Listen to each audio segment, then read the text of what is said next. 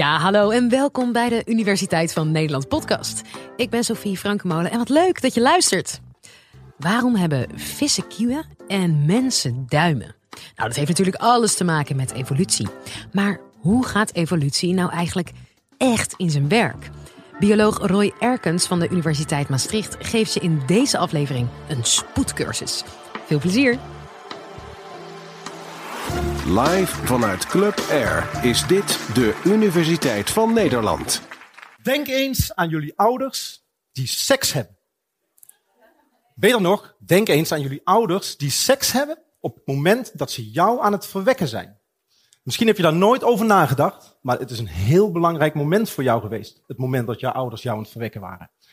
Als zij jou bezig waren met jou te verwekken, en de reden daarvoor kan heel toevallig zijn geweest. Misschien um, waren je ouders een avondje op stap geweest, hadden ze te veel gedronken en eindigden ze een beetje in bed. Of misschien wilden ze wel heel bewust een kind. Um, hoe ook zij, op het moment dat zij bezig waren met jou te verwekken, als er iets anders was geweest op dat moment, als de deurbel was gegaan, je vader was even gestoord of je moeder had zich even omgedraaid, dan was jij niet hier geweest. Want dan had dat ene zaadje niet die eicel bereikt, was een ander zaadje dat de eicel had bereikt en was er een heel ander persoon hier geweest. Sterker nog, als je dat doortrekt, denk eens aan je grootouders die seks hebben. Als jouw grootouders geen seks hadden gehad, waren jouw ouders er niet geweest, was jij er niet geweest. De kans eigenlijk dat jij hier bent, is praktisch nul. Dat is niet alleen voor jou zo, maar dat geldt eigenlijk voor al het leven. De kans dat het leven zo is, de aarde zo is, is praktisch nul. Nou, hoe kan het dan eigenlijk dat er toch zo'n enorme uh, schijnbare orde in deze wereld heeft? Want als we naar buiten kijken, lijkt de wereld helemaal niet zo toevallig. Nou, datgene wat eigenlijk al die orde veroorzaakt in de levende wereld, dat is evolutie. Evolutie is gewoon waar. Laten we even daar geen uh, doekjes omwinden. Uh, er wordt heel veel gepraat over, is evolutie nou waar of niet? Um, het is gewoon waar. Evolutie is eigenlijk een heel populair concept, maar het is ook een heel erg misbegrepen concept, maar het is gewoon waar. Wat wel heel erg bediscussieerd wordt, zijn de mechanismen van evolutie. Evolutie kan, uh, verandering kan optreden op verschillende manieren. En daar praten biologen over. Hoe werkt evolutie nou precies? Nou, het bekendste onderdeel eigenlijk van evolutie, van de evolutionaire theorie, is Darwins idee van evolutie door natuurlijke selectie. Hij beschreef dat idee in zijn boek uh, On the Origin of Species in 1859. En um, eigenlijk is dat concept ontzettend eenvoudig. En ik ga jullie even uitleggen wat Darwin eigenlijk zei, wat natuurlijke selectie is, aan de hand van datgene wat hij zelf ook deed, namelijk observeren. Het eerste eigenlijk wat Darwin observeerde is, er is variatie. Nou, we kunnen hier, als u rondkijkt in de zaal, kunt u zien, er zijn geen twee individuen gelijk. We zijn allemaal anders. En niet alleen wat betreft uiterlijk, maar als we nadenken over uh, hoe hard wij kunnen rennen. Um, sommige mensen kunnen heel hard rennen, sommige mensen rennen minder hard. De meeste mensen rennen ja, per definitie gemiddeld hard. Dus er is variatie in, um, um, in kenmerken. Dat geldt ook voor computergebruik. Sommige mensen kunnen heel goed met computers omgaan, andere mensen helemaal niet. Dus er is een enorme variatie. Dat is niet alleen in uiterlijk of in eigenschappen, maar ook in DNA. Geen twee individuen zijn exact hetzelfde.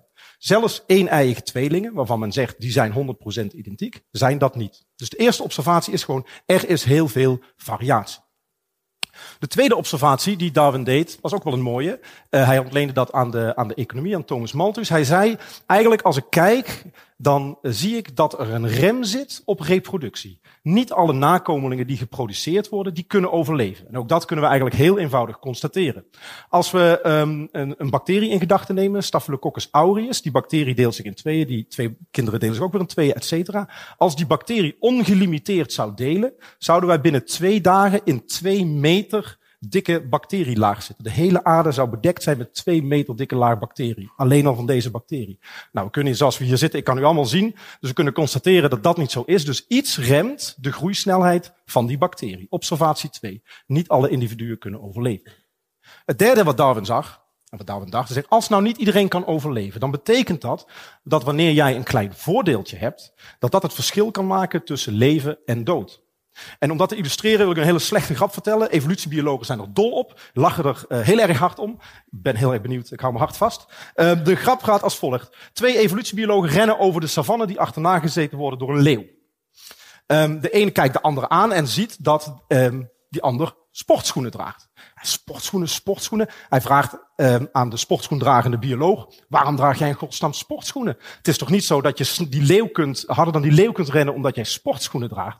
Nee, niet harder dan die leeuw, maar kan wel harder rennen dan jij. Dat geeft eigenlijk precies de kern aan. Je hoeft niet perfect te zijn. Je hoeft helemaal niet super ultra goed te zijn. Je moet gewoon een beetje beter zijn dan de rest. Op het moment dat je een beetje beter bent dan de rest, dan ben je eigenlijk al een winnaar. Dus als je een, een voordeeltje hebt ten opzichte van anderen, dan doe je het al heel erg goed. Dat was de derde observatie. De vierde observatie was dat er erfelijkheid is. Darwin wist al, ouders lijken op kinderen. Uh, kinderen lijken op ouders, natuurlijk andersom, maar ja, hoe je het wil zeggen. Um, die erfelijkheid is heel belangrijk, want als jij zo'n voordeeltje hebt, als jij dat voordeeltje niet kunt doorgeven aan jouw kinderen, dan hebben jouw kinderen natuurlijk niks aan. Maar als jij erfelijkheid hebt, um, dan kun jij jouw gunstige eigenschappen doorgeven. En dat erfelijkheid uh, werkt, dat kunnen we allemaal uh, illustreren. Wie kan er hier tongrollen? Ja, Tongrollen is een erfelijke eigenschap. Als je ouders kunnen tongrollen, kun jij het ook. Als, je, als jij ouders niet kunnen tongrollen, kun jij het niet. Nou, samenvattend, Darwin zei, er is variatie. Als er variatie is, en um, als jij dat, dat voordeeltje kunt doorgeven aan jouw kinderen, dan zal overleving en reproductie, krijgen van kinderen, niet willekeurig zijn. Dat is eigenlijk alles wat evolutie door natuurlijke selectie is. Er is een niet willekeurige overleving en reproductie. Mensen, dieren, planten die veel kinderen krijgen, krijgen veel kinderen om een reden. Omdat ze het beter doen dan de anderen. Dat is eigenlijk alles wat uh, evolutie door natuurlijke selectie inhoudt. Dat betekent dus dat het niet is wat heel veel mensen denken. Namelijk dat uh, individuen veranderen, populaties veranderen.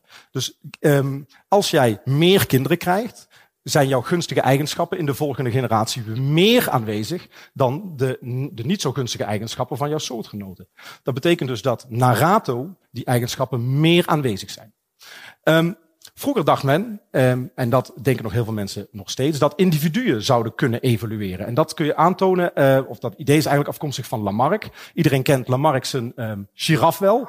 Het idee van Lamarck was, je hebt een giraf, Um, en we wisten dat vroeger hadden giraffen kortere nekken, tegenwoordig hebben giraffen lange nekken. Hoe kan dat nu? Nou, dat is heel eenvoudig. Zo'n giraf die reikt tijdens zijn leven naar blaadjes in de boom.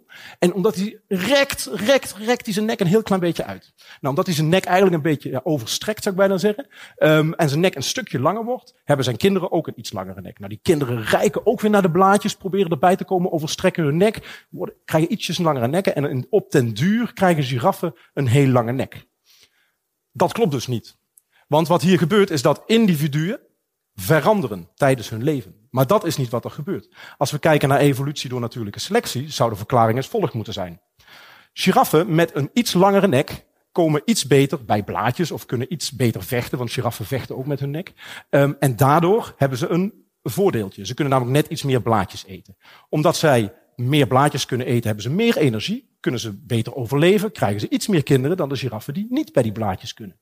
Dus in de volgende generatie zijn de giraffen met een iets langere nek iets meer vertegenwoordigd. Nou, zo dat proces herhaalt zich en op den duur verandert de gemiddelde lengte van zo'n nek in de populatie, zodat we de lang, totdat we de lange nek hebben die we vandaag de dag zien.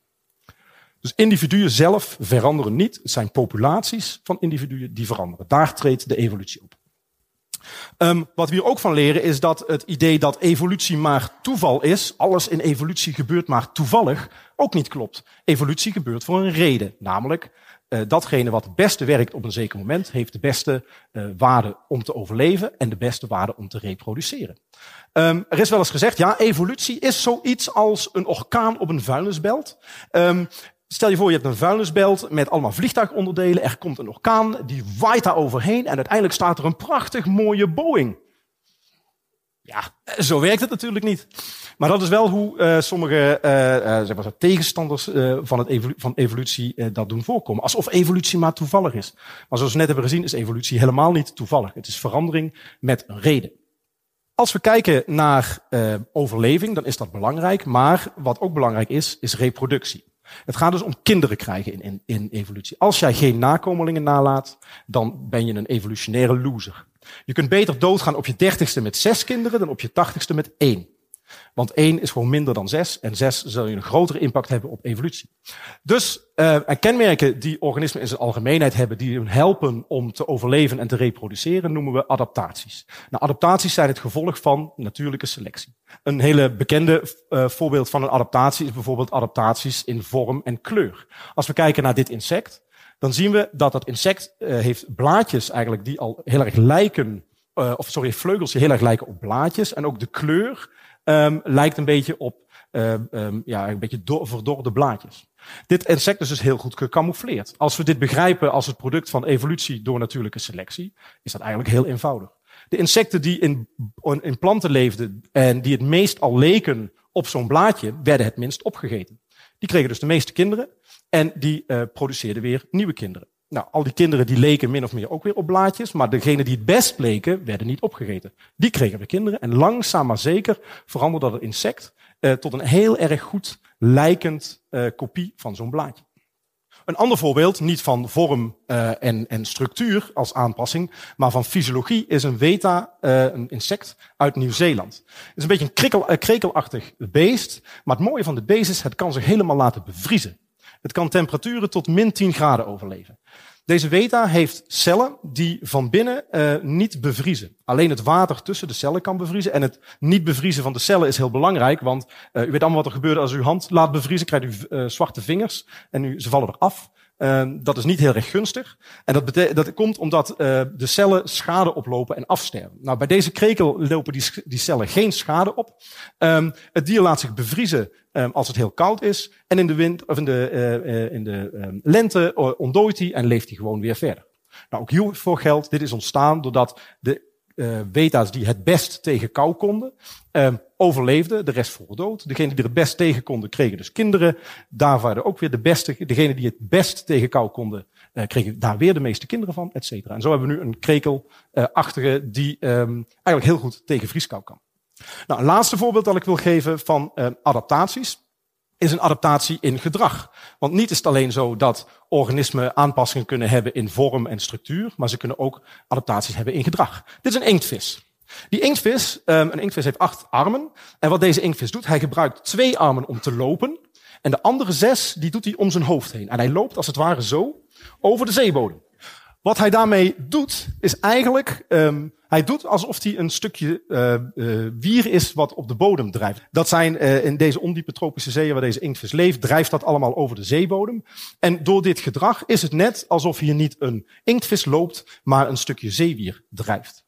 Nou, ook hiervoor geldt weer um, eigenlijk het principe dat die inktvissen die het beste leken op zo'n drijvend stukje zeewier het minst werden opgegeten kinderen nalieten. En in de volgende generatie werd dat gedrag versterkt, doordat die kinderen die het best daar weer op leken, ook weer op zeewier leken, ook weer de meeste kinderen kregen. Dus beetje bij beetje verandert die populatie van uh, normale inktvissen in inktvissen die uh, zeewier nadoen.